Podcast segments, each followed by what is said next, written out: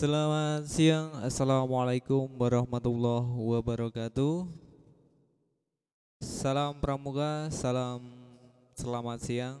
Selamat bertemu kembali dalam siaran langsung radio suara Spesami Yang pada kesempatan siang hari ini Tanggal 9 Oktober tahun 2020 Hari ini kita akan membahas materi atau SKU nomor 15 ya. Jadi kita hari ini akan membahas SKU nomor 15 sambil silahkan kalian menyiapkan buku catatannya. Ya silahkan kalian sambil menyiapkan buku buku catatannya. Hari ini kita akan membahas mengenai dapat menjelaskan sejarah bendera perlakuan terhadap bendera sang merah putih ya. Dengan memahami Undang-Undang Nomor 24 Tahun 2009. Di studio, waduh. Sudah ada Kak Novi. Selamat siang Kak Novi. Selamat siang. Halo semuanya. Sehat semua ya. Semoga kalian semua dilindungi oleh Allah Subhanahu wa taala. Bukan begitu Kak Taufik? Iya. Begitu. Jadi kita materi hari ini SKU ini nomor nomor 15. 15. Oke. Jadi SKU nomor 15 Bendera. Jadi kita akan mengupas mengenai sejarah bendera. sejarah bendera Iya. sampai nanti larangan-larangannya Kak. Oh larangan-larangannya juga. Sampai larangannya. Sampai sedetail-detailnya Iya. ya berarti. Oke deh. Jadi siapkan sekarang eh, buku tulisnya untuk siap kalian catat. Yang nanti juga akan dilaporkan melalui Google Classroom ya kak Iya, ya. betul Iya. sekali. Jadi nanti tetap akan kita cek satu-satu siapa yang mengikuti, siapa yang tidak. Begitu. Oke. Eh mungkin ada yang pernah mempelajari tentang bendera. Eh, materi utamanya adalah di Undang-Undang Nomor 24. Eh, nomor 24 keliru Kak. Bukan bener. 24. Eh. Nomor 20 Undang-Undang nomor, nomor 24 tahun 2009. Nah, itu dasarnya kita untuk akan membahas mengenai bendera ya, Kak ya. Kita bahas Nah, nanti. oke, coba kita buka dulu untuk pasal 20 maaf, Undang-Undang nomor 24 tahun 2009. Ya. Kita harus tahu dulu dasarnya itu apa. Mungkin pertanyaan sederhananya ya kak. Maknanya itu bendera kita itu apa toh? Ada merah dan putih. Ya, pasti ini adik-adik semua dari SD ini sudah pernah dijelaskan makna dari warnanya dulu. Karena yang langsung kita lihat kan warnanya ya kak Iya, ya. Nanti betul. untuk ukuran, kemudian eh, apa namanya yang ada di istana itu ukuran berapa nanti kita bahas juga. Iya, nah tapi eh yang pertama akan kita bahas ini mengenai warnanya dulu. Iya. Nah, warna bendera kita ini kan terbagi menjadi dua. Bukan terbagi, terdapat dua iya betul. warna. Jadi- Ada merah dan ada putih. Putih. Nah, paling enggak kalian nanti silahkan eh, tahu dulu, tuliskan ya di buku catatan kalian. Iya. Maknanya warna merah itu artinya apa? Kemudian warna putih itu artinya apa? Ya. Kemudian yang tak kalah penting adalah mengenai sejarah bendera ya kak. Iya. Iya, Sejarah bendera itu dijahit oleh siapa? dijahit oleh siapa? Nah, itu harus tahu gitu. Oke, kita mulai saja ya, Kak ya. Ya. Ini eh, sembari kalian buka buku tulisnya, di sini Kak Novi juga membuka undang-undang nomor 24 tahun 2009 bahwa bab e, bendera negara ini berada di bab 2. Ya, nah bendera negara Sang Merah Putih berbentuk empat persegi panjang dengan ukuran lebar 2 per 3 dan Ya. panjang serta bagian atas berwarna merah dan bagian bawah berwarna putih yang kedua bagiannya berukuran sama. Jadi gimana Kak Taufik? Jadi misalkan bendera itu ditarik, dijembreng, dijembreng Iya, dijembreng. di eh, istilahnya dibentangkan ya. Dibentangkan. Kalau dibentangkan itu nanti eh, lebarnya sama panjangnya itu Sama. sama ya. Jadi dua per tiga. Jadi lebarnya itu dua per tiga dari panjang Panjang. panjang bendera itu tadi. Ya, gitu. jad- mm-mm. Jadi ukurannya itu ya. Bedanya sama kalau di ada negara yang sama itu Polandia ya. Ya. Kalau Polandia itu 4 banding 5 kalau nggak salah itu ya. Mm-mm, 4 Empat banding banding 5. lima. Kalau yang di Indonesia lebarnya itu 2 per 3 dari Mm. panjangnya. Jadi kalau bendera Indonesia itu pasti Eh, bukan bukan balok, persegi panjang. Kalau balok kan tiga dimensi, persegi panjang dua dimensi kak. kelihatan banget nek matematika nih. Tidak masalah, tidak masalah. Nah itu ya, jadi eh, yang pertama kita harus tahu itu ukuran bendera dulu. Panjangnya dibanding lebarnya itu berbeda. Lebarnya 2 per 3 dari panjangnya, Panjangnya, bukan gitu. Nah di sini juga disebutkan ada dua warna, warna merah dan warna putih. Nah, jadi tadi pertanyaan yang di awal tadi dua apa namanya? dua warna merah dan putih. Nah, sekarang yang jadi pertanyaan selanjutnya adalah apa, Kak? Waduh. Maknanya, Maknanya. makna dari merah dan putih. Oke, mungkin sudah umum ya kalau Ya. warna merah itu pasti erat kaitannya dengan berani. Ya, merah Berani. berani, Kemudian yang putih itu suci, Suci, ya. bersih gitu ya, Bersih, Kak ya, gitu. melambangkan kesucian yang diimbangi dengan keberanian begitu. Nah, ini kan tidak lepas juga kaitannya dengan perjuangan kemerdekaan Indonesia itu ya. ya, Nah, jadi perjuangan kemerdekaan Indonesia itu modalin nekat, Kak. modal Oh, nekat tapi ya karo nggo tapi harus pikirannya Iya. itu juga harus jalan, harus punya Pikiran. taktik. Nah, jadi tidak hanya berani tapi tidak juga mm-mm. suci tadi. Iya, gitu. Pikirannya harus suci. Kemudian Nah, oke. Kemudian ya yang dimaksud dengan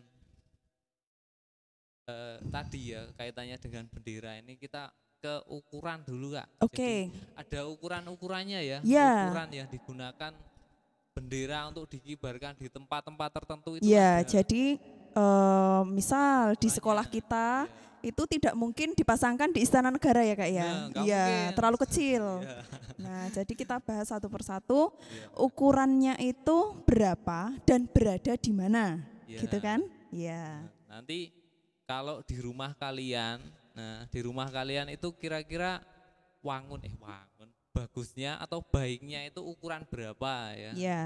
Standarnya ukuran Standarnya berapa? Kemudian kita bahas satu persatu ya. Eh, Iya. Selamat siang Kak Aji. Ya, Kak. Ya, selamat siang Kak Taufik Ya. dan Kak Novi. Ah. Dan dan Dan anak-anak. anak-anak semua. Anak-anaknya, Selamat pagi, selamat siang Kak Aji. Oke, kita bahas satu persatu ya. Dari yang paling besar dulu. Otomatis yang paling besar berada di di sebelah saya. oh salah ya, salah maaf. bukan Bendera kok ya. di Istana Kepresidenan. Begitu. Kalau mau buktikan yang paling deket itu ada kak Di mana? di 0 km Di 0 sebelah km. utara eh sebelah utara sebelah utara sebelah Gedung barat jalan itu yang dari Malioboro. Gedung Agung. Nah, itu kan juga Ah, Istana di Gedung Agung. ya. Betul. Nah, ini ukurannya adalah 200 kali 300 cm 200 kali 300 cm. atau 2 kali 3 meter. Ya, Iya. kalau nggak percaya besok pelajaran IPS sama Pak Aji ke sana. Tapi pakai Google Earth atau Google Map ya. Ya, jadi yang pertama yang paling besar itu dipasangkan di Istana Kepresidenan di Indonesia dengan ukuran panjangnya 3 meter, Iya. lebarnya 2 meter. meter. Nah, begitu. Selamat datang Kak Tati, sangat ceria sekali dengan busana warna kuning. Iya. Ya. Kita juga hari ini hormat sama Pak Soekarno dan Pak Hatta. Ya. Iya. Iya, Oh iya, alhamdulillah. Ya. Seru-seru Kak. Iya, enggak enggak. Gitu ya. Jadi sudah paham untuk Ah, yang istana. istana kepresidenan itu ukuran lebarnya 2 meter, panjangnya 3 meter. Kemudian mana lagi boleh dijelaskan oleh Kak Aci? Musike jari ini Kak. Oh ya. Musike. Oke, yang Istana kedua. Kepresidenan itu sebenarnya ada di beberapa tempat ya. Ya, Ada di Jakarta, ya. ada di Bogor, Ya, Istana Bogor, Istana kemudian Bogor, ada di Jogja, Gedung Agung, Gedung Agung. kemudian di Bali ada Istana Tampak Siring, Ya, terakhir ada di Papua. Papua. Tapi namanya saya lupa. Papua apa ya, Pak? Bukan.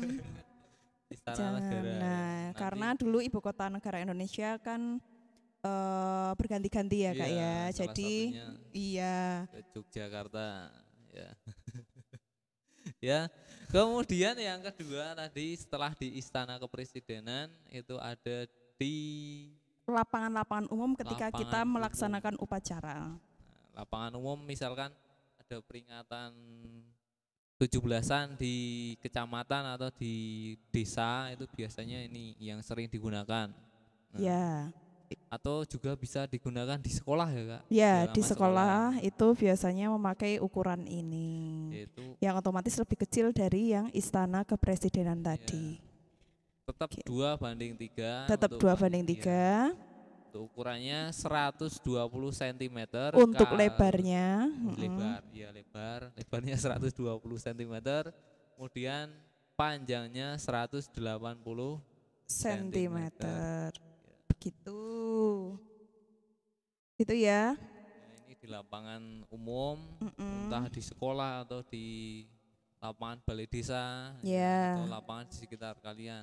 Ya, gitu. Kemudian ukuran yang lebih kecil lagi untuk penggunaan di ruangan. Biasanya di ruangan-ruangan dinas, Ya, ruangan kelas, kantor guru dan kantor-kantor eh, Pemerintahan. pemerintahan yang lain. biasanya.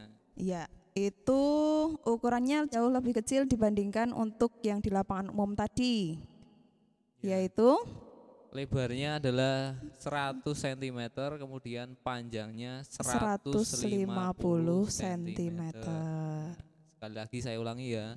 Untuk lebarnya 100 cm dan panjangnya 150 cm. Nah, Jadi ini untuk penggunaan di dalam ruangan ya atau ruangan tertutup ini untuk bendera. Nah, nanti eh ini masih ada tiga untuk peng- tiga eh, sekitar tiga oh enggak Oh, ada- banyak. ada, Iya, ada ada. 10 ya ada 10 Iya, ada jadi 10. untuk penggunaan.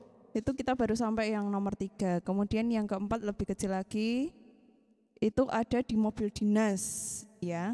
Tapi mobil dinas yang satu dengan yang lain itu ternyata ukurannya berbeda, kak. Eh, iya. Ya, ini untuk mobil presiden dan wakil presiden itu, Iya. presiden ya ya presiden. presiden dan wakil presiden. 36 kali 54 cm Ya, kecil ya. Ya, Jadi kalau kalian pernah lihat eh, mobil presiden lewat benderanya ukurannya segitu. 36 kali 54. Jangan. Itu kemudian untuk yang mobil pejabat misal DPR MPR, anggota DPR MPR seperti itu ada menteri atau bisa, menteri. Nah, tapi bukan menteri ketoprak ya itu itu lebarnya 30 dan panjangnya 45 cm. Itu bisa dilanjutkan Kak Aci? Loh, bisa. Ya, yang selanjutnya itu di kendaraan umum. Kendaraan umum itu seperti apa ya misalnya ya? Oh, seperti bus terus. Kan yang gorong-gorong bis tuh kan. Jadi untuk penggunaan di kendaraan umum itu ukurannya 20 cm kali 30 cm. Itu untuk penggunaan di kendaraan umum. Lalu yang selanjutnya yang digunakan di kapal. Mungkin biasanya ini kapal-kapal Kapal laut ya, bukan- kapal iya, kapal bukan bukan kapal terbang. oh, kapal api. Kopi. Iklan enggak endorse bayar. Ya, jadi yang di penggunaan di kapal itu memang biasanya eh, lebih besar. Kenapa kok lebih besar itu karena eh, biar biar biur. Ya sebagai identitas identitas. Jadi kalau eh, kapal itu kan di tengah laut biasanya jadi kalau dari daratan itu supaya bi- bisa terlihat lebih bisa terlihat jadi ukurannya kan benderanya besar. heeh. Karena kalau kapal-kapal yang lintas provinsi lintas pulau itu tidak diberi bendera nanti dikira kapal Ilegal. ilegal. Tuh, jadi yang digunakan di kapal itu ukurannya 100 kali 150. 1 meter kali satu setengah meter. Jadi sama kayak yang berada di dalam ruangan, bukan begitu kakak? ya di dalam ruangan. Eh, Yang selanjutnya itu digunakan di kereta api. Ya, sudah pernah naik kereta api kak? Sudah. Mondet.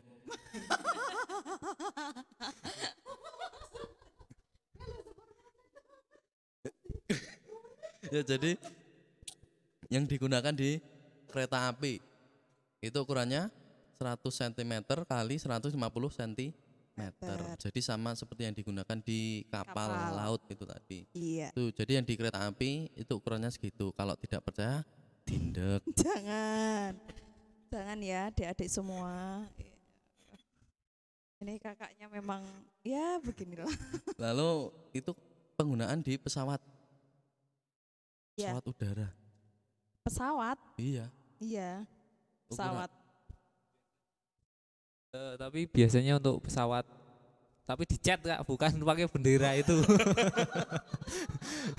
ya biasanya kamu nanti cari ya kalian bisa cari di nek kalau pesawat tempur itu biasanya di Iya. ekor Di ekor. kalau pesawat kepresidenan itu ada di moncong di bagian depan lah ya nanti silakan kalian ser- sambil searching itu dicat ya benderanya bukan di ta- dikibarkan ya baru take off nanti sudah rampung Itu Kak Aji. Ya. Ya, jadi kalau tidak salah untuk penggunaan di pesawat udara ini juga digunakan di maskapai nasional itu ya kak? Iya, Garuda. Garuda. Atom itu Garuda Garuda Indonesia itu ya. Tuh, karena itu sebagai maskapai nasional milik negara ya. Ya, Garuda itu kan BUMN. Tuh, jadi karena milik negara. Kalau yang pesawat-pesawat lain kan enggak karena itu milik swasta atau perseorangan.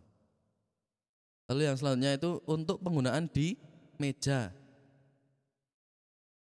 Me- meja-meja dalam pemerintahan, kantor-kantor pemerintahan itu biasanya kan ada yang itu loh Kak, di meja-meja kecil. Iya, sampai kanan kiri atau tengah biasanya ditaruh di tengah itu Kak. Itu ada eh, bendera kecil ukurannya hanya 10 cm kali 15 cm. Kalau untuk yang apa namanya bendera 17 Agustusan itu berapa ya Kak ya ukurannya ya biasanya? Yang itu loh yang ditempel-tempel yang dirangkai.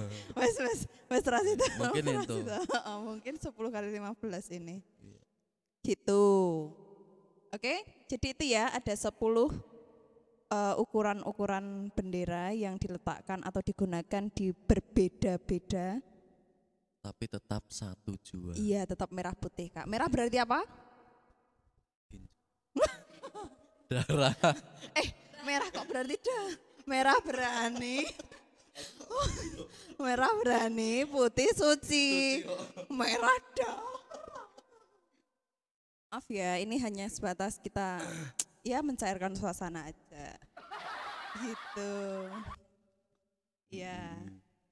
Jadi bendera Indonesia itu sama ya dengan negara mana kak? Mana? Ayo. Polandia, kan gitu. Cuma kalau Polandia kebalik. Sama ya, kalau yang kebalik itu Monaco. Yang kebalik itu Polandia. Jadi yang benar yang mana? Jadi eh, bendera Indonesia itu sama dengan bendera Monaco. Jadi warnanya merah putih. Yang membedakan itu adalah ukuran. Jadi kalau untuk bendera Indonesia itu bentuknya lebih ke persegi panjang. Kalau bendera yang Monaco itu lebih condong ke persegi bentuknya. Jadi membedakannya seperti itu. Walaupun warnanya sama. Merah dan putih. Ya kak. Selanjutnya itu ada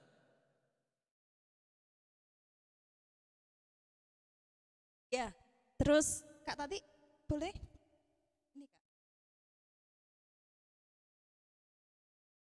Oke, sebelumnya Assalamualaikum warahmatullahi wabarakatuh. Waalaikumsalam. Selamat siang wabarakatuh. adik-adik semuanya. Siang Kak Tati, ceria hari ini.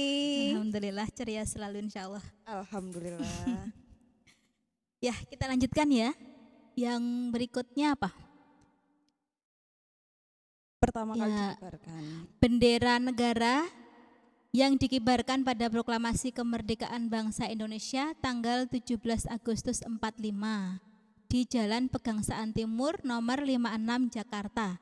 Itu disebut sebagai bendera pusaka Sangsaka Merah Putih. Jadi itu bendera yang pertama kali dikibarkan ya.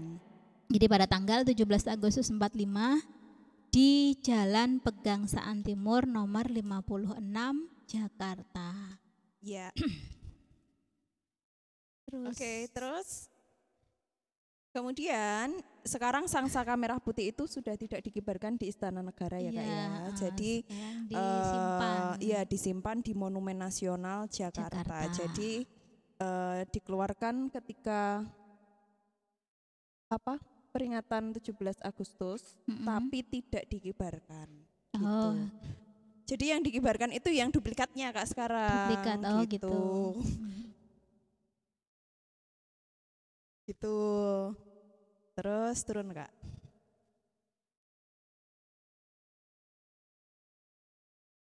Oke boleh. Ya. Eh, selanjutnya ini ketentuan pengibaran bendera merah putih pada saat rapat. Ya, jadi pengibaran bendera merah putih pada rapat.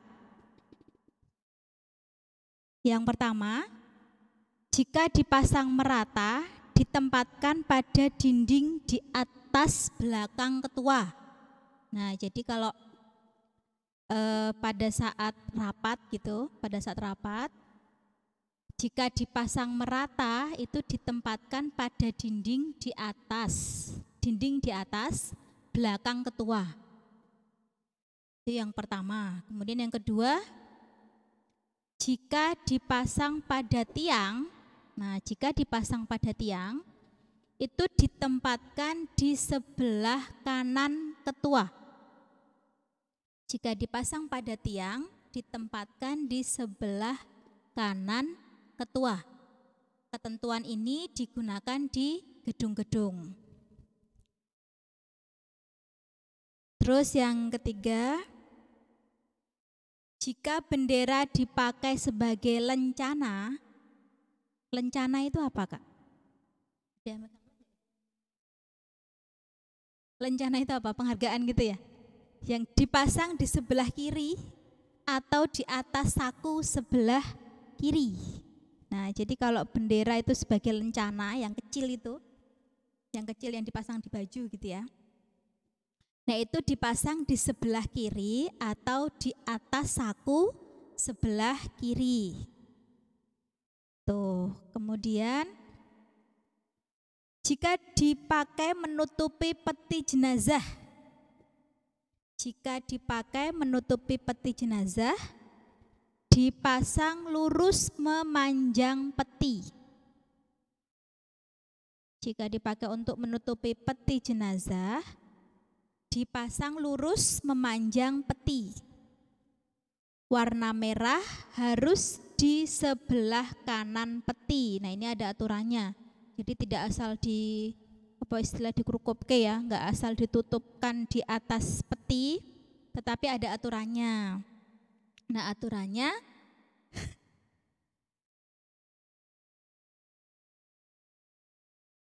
aturannya dipasang lurus memanjang peti. Warna merah harus di sebelah kanan peti. Di atas bendera tidak boleh ada sesuatu dan tidak boleh diturunkan ke liang lahat. Nah, ini jadi benderanya sampai ke makam gitu terus tidak boleh diturunkan ke liang lahat. Ya, jadi pengguna apa pemasangannya itu warna merah di sebelah kanan peti. Di atas bendera tidak boleh ada sesuatu. Jadi di atas bendera jangan diberi apa apa pun gitu. Tidak boleh ada sesuatu. Nah, seperti itu. Selanjutnya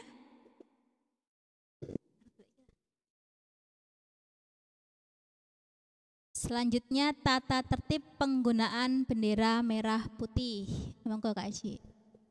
Kak Novi, silakan. Tata tertib. Ayo Kak. Ya Kak Novi. Tata tertib penggunaan bendera merah putih. Di sini ada tiga, tiga poin yang harus kalian ketahui mengenai tata tertib penggunaan bendera merah putih. Jadi tidak sembarang menggunakan ya kak ya. Iya. Ya yang pertama bendera dipasang pada bidang harus membujur merata. Itu itu untuk tata tertib yang pertama. Kemudian Kita bacakan dulu saja. Yang kedua, bendera yang dinaikkan pada tiang harus perlahan-lahan dan hikmat, tidak boleh menyentuh tanah.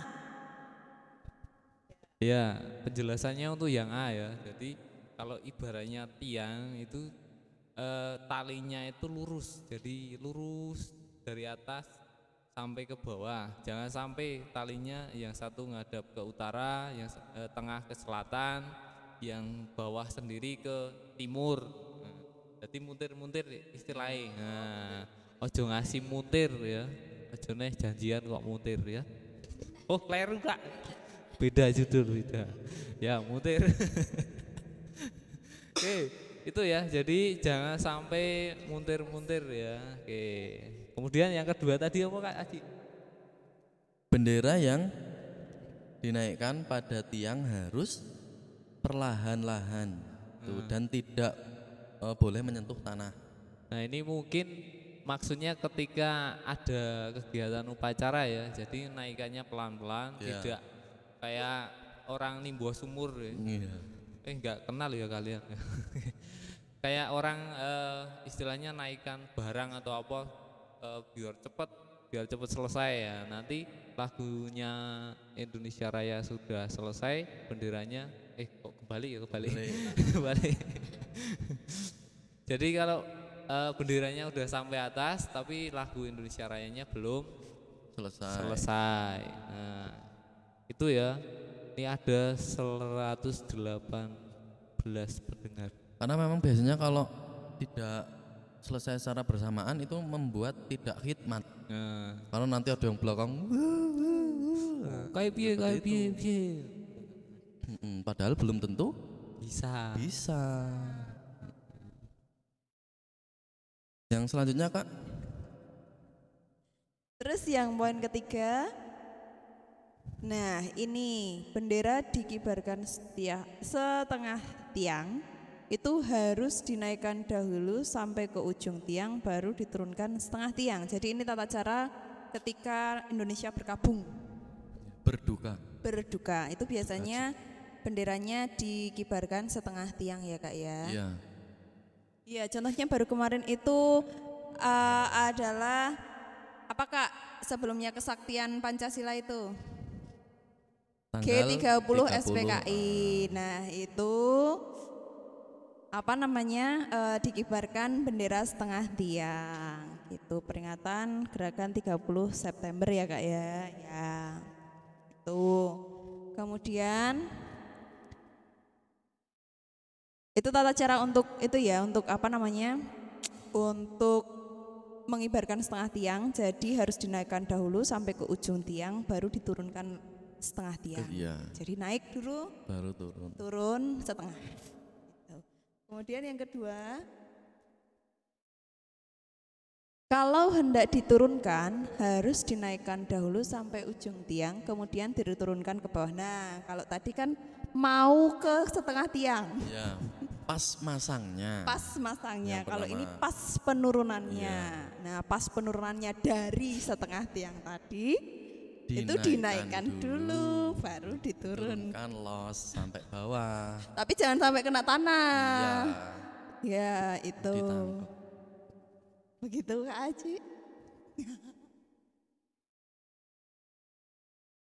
Itu Kak. Yo. Itu ya, untuk anggota pramuka dalam suatu upacara harus memberi salam hormat tanpa aba-aba. Salam. Itu gimana Kak Tati? Bisa menjelaskan? Untuk anggota pramuka dalam suatu upacara harus memberi salam hormat tanpa aba-aba. Nah, salam hormat kemarin sudah. Ya.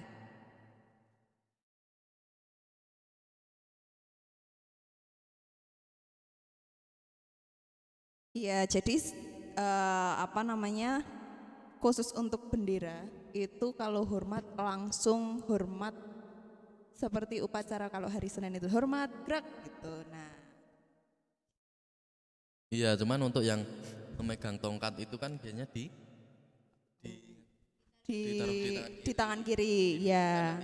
tangan kanan baru hormat gitu. Kemudian, nah kalau tadi tata tertib kita masuk ke bagian selanjutnya yaitu larangan penggunaan bendera merah putih. Apa kak? Yang pertama, dilarang bendera merah putih menyentuh tanah, air, atau benda yang kotor. Jadi ketika airnya kotor itu tidak boleh. Kalau dicuci nggak masalah ya kak ya. Nggak Tapi kalau dicuci. Uh, uh, kalau misalnya itu bendera merah putih terkena air yang kotor atau bendera yang kotor itu tidak diperbolehkan. Kemudian yang kedua dipakai untuk langit-langit, atap, pembungkus, pembungkus barang, atau reklame dan lain-lain. Nah itu nggak boleh, ya, Nggak nggak boleh ya dilarang. dilarang Nah, itu Karena itu adalah benda yang sakral. Sakral. Iya, yang dia itu tuh apa ya? Memiliki kedudukan tinggi di Indonesia. Iya. Benda yang memiliki kedudukan tinggi di Indonesia. walaupun itu hanya mungkin hanya berupa bendera. Iya. Cuman Pernah itu ada Kak itu di arti. media sosial itu ada ibu-ibu yang dia menginjak-injak apa namanya bendera, Bendera. merah putih kemudian dibakar. Nah, Iya. dari apa namanya dari perilaku ibu tersebut maka ibu tersebut pasti akan dicari oleh aparat keamanan karena dirasa menghina lambang negara Lambang Indonesia gitu jadi jangan ya jangan ditiru perilaku tersebut kemudian yang ketiga diberi gambar dicetak sulam dan lain-lain jadi untuk bendera itu pure harus merah dan putih. Ya. Iya. Gitu. Kemudian dicetaknya tidak boleh disulam. Kemudian yang keempat, pada lencana yang terdapat huruf-huruf, kalimat, gambar, angka atau tanda-tanda lain.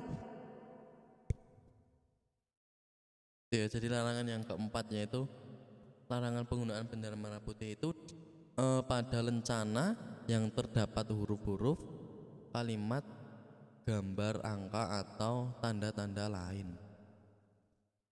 Itu artinya mungkin dalam lencana itu ya dia harus pisah, memisahkan Harus diri, ya, enggak jadi tidak terdapat dalam, dalam satu lencana. Heeh, benar Kak, begitu. Nih, kemudian bendera yang sudah rusak harus dibakar kecuali bendera pusaka harus disimpan dalam museum. Jadi kalau misalnya bendera yang di sekolah kita itu sudah robek-robek, itu diharuskan untuk langsung membakarnya, Kak. Jadi takutnya kalau misalnya langsung tidak dibakar nanti di- eh, dipakai oleh orang lain, terus dilihat oleh orang lain dikiranya melecehkan lambang negara Oh, gitu. Berarti kalau benderanya rusak nggak masalah ya? Nggak masalah. ya? Heeh. Kalau belum rusak Ya dipakai. jangan dibakar. Iya, jangan dibakar. Ya dipakai, bener kan? Iya. Nah, iya. Kemudian nomor lima penggunaan dengan bendera negara lain. Yang pertama, jika hanya sebuah bendera asing, merah putih dipasang di sebelah kanan. Jadi cuma dua ya, Iya, cuma bendera dua asing bendera. dan Indonesia. Nah, bendera Indonesia itu dipasangkan di, Di sebelah, sebelah kanan. Yang kedua, jika ada beberapa, jadi lebih dari dua, Iya. ya, merah putih dipasang di tengah. Itu Kalau misal benderanya empat, empat berarti di antara dua maupun tiga, oh gitu, ya. Jadi tetap berada di tengah, ya kak. iya. Kemudian jika bendera merah putih dengan bendera asing lain dipasang menyilang pada tiang, maka kain bendera merah putih di sebelah kanan, sedang tiangnya ditempatkan di depan bendera asing.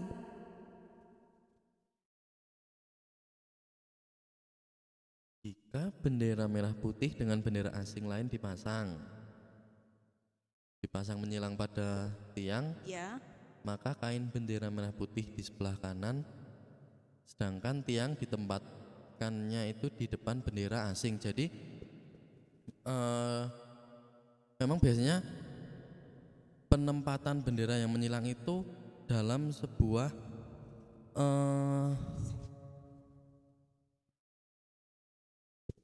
dalam sebuah misal seperti mau ada kerjasama atau apa ya kalau kerjasama antar negara itu loh kak itu kan biasanya ada bendera terus nanti Iya. disilangkan Oh iya, nah ah. nanti eh, untuk bendera merah putih menyilangkannya tetap dia di sebelah kanan dan bendera eh, tiangnya itu di depan, Depan. dari tiang bendera negara asing, asing. tersebut Oh iya, iya. itu karena kalau untuk di negara kita kita. Hmm, karena nanti kalau ud- sudah di luar Indonesia itu nanti sudah ketentuannya berbeda. Berbeda. Ini ketentuan untuk kita ya, untuk di negara Indonesia. Terus Nah, itu untuk penggunaan bendera negara lain.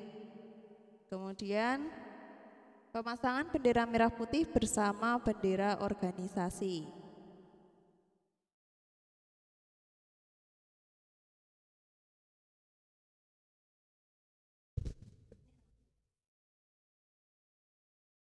ya, oke. Yang berikutnya pemasangan bendera merah putih bersama bendera organisasi. Yang pertama, jika bendera Panji satu, bendera merah putih sebelah kanan. Ya. Jadi yang pertama, jika bendera Panji satu, bendera merah putih sebelah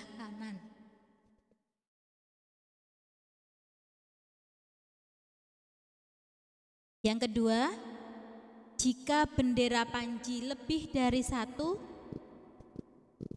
merah putih dipasang di tengah-tengah. Ya. Jika bendera Panji lebih dari satu, merah putih dipasang di tengah-tengah. Itu yang kedua. Yang ketiga, bendera merah putih harus lebih besar dan dipasang pada tiang yang lebih tinggi. Nah, jadi harus dibedakan untuk yang merah putih dia harus lebih besar ukurannya dan dipasangnya di tiang yang eh, panjangnya eh, panjang tingginya nggak sama jadi yang lebih tinggi untuk membedakan untuk lebih menghormati bendera merah putih. Terus yang terakhir yang keempat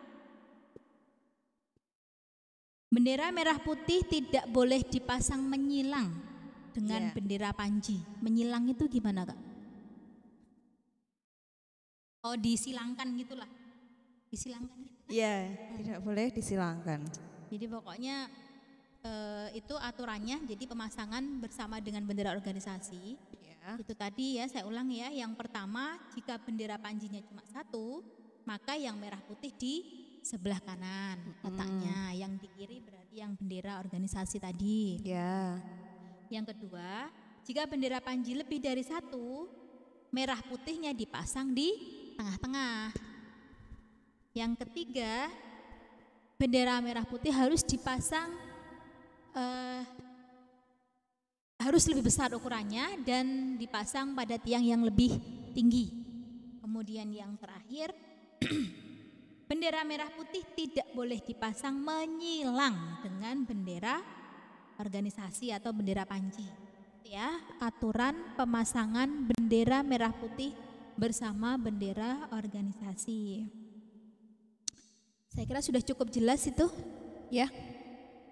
Eh, Yang terakhir ini, terakhir materi bendera Indonesia, bendera kebangsaan. Aturan hukum. Nah, ini ada aturan hukumnya ternyata. Aturan hukumnya bagaimana? Barang siapa melanggar ketentuan tersebut akan dihukum sekurang-kurangnya tiga bulan kurungan atau denda.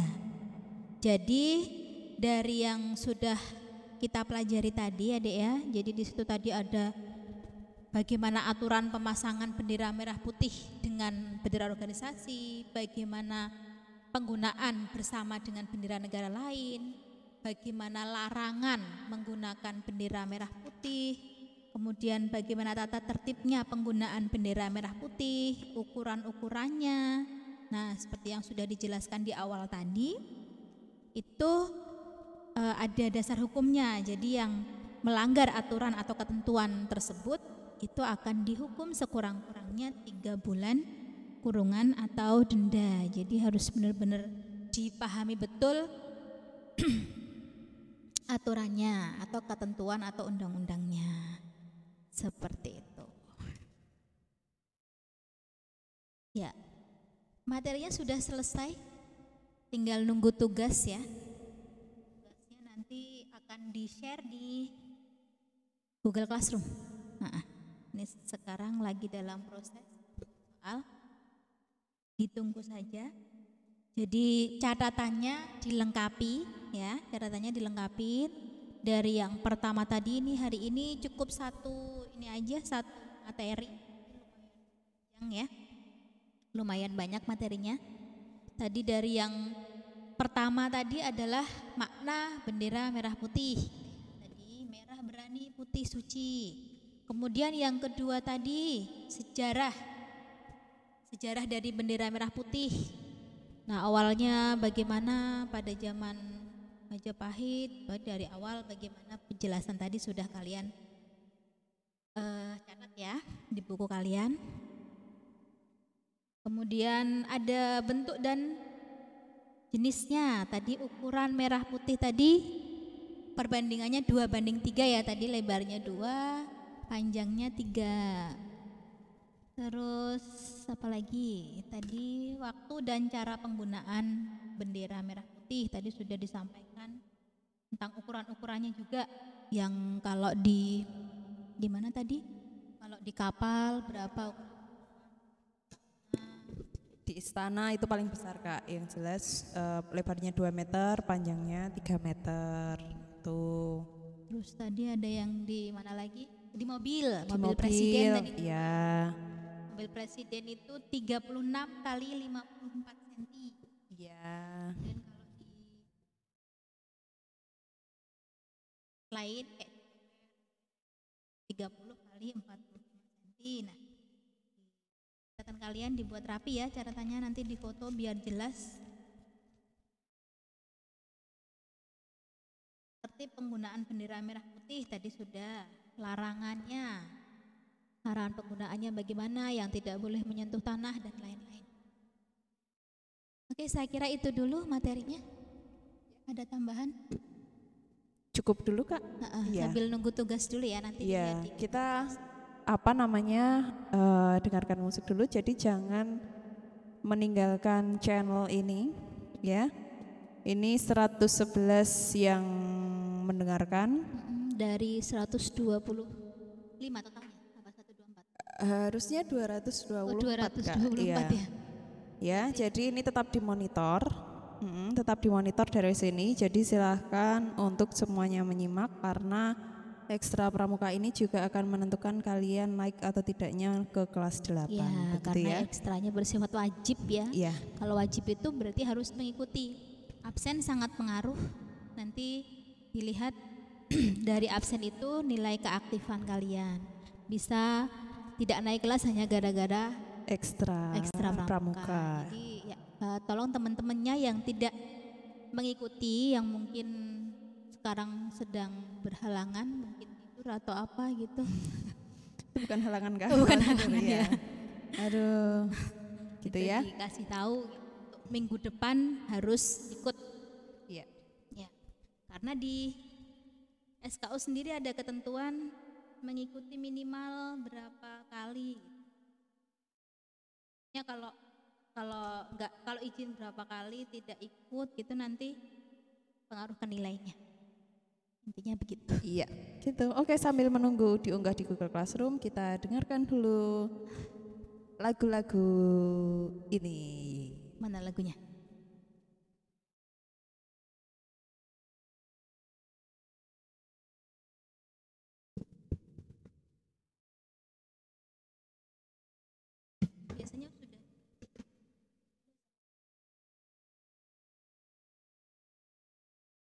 Mungkin Kak Novi mau nyanyi juga boleh nyanyi lagu Mars.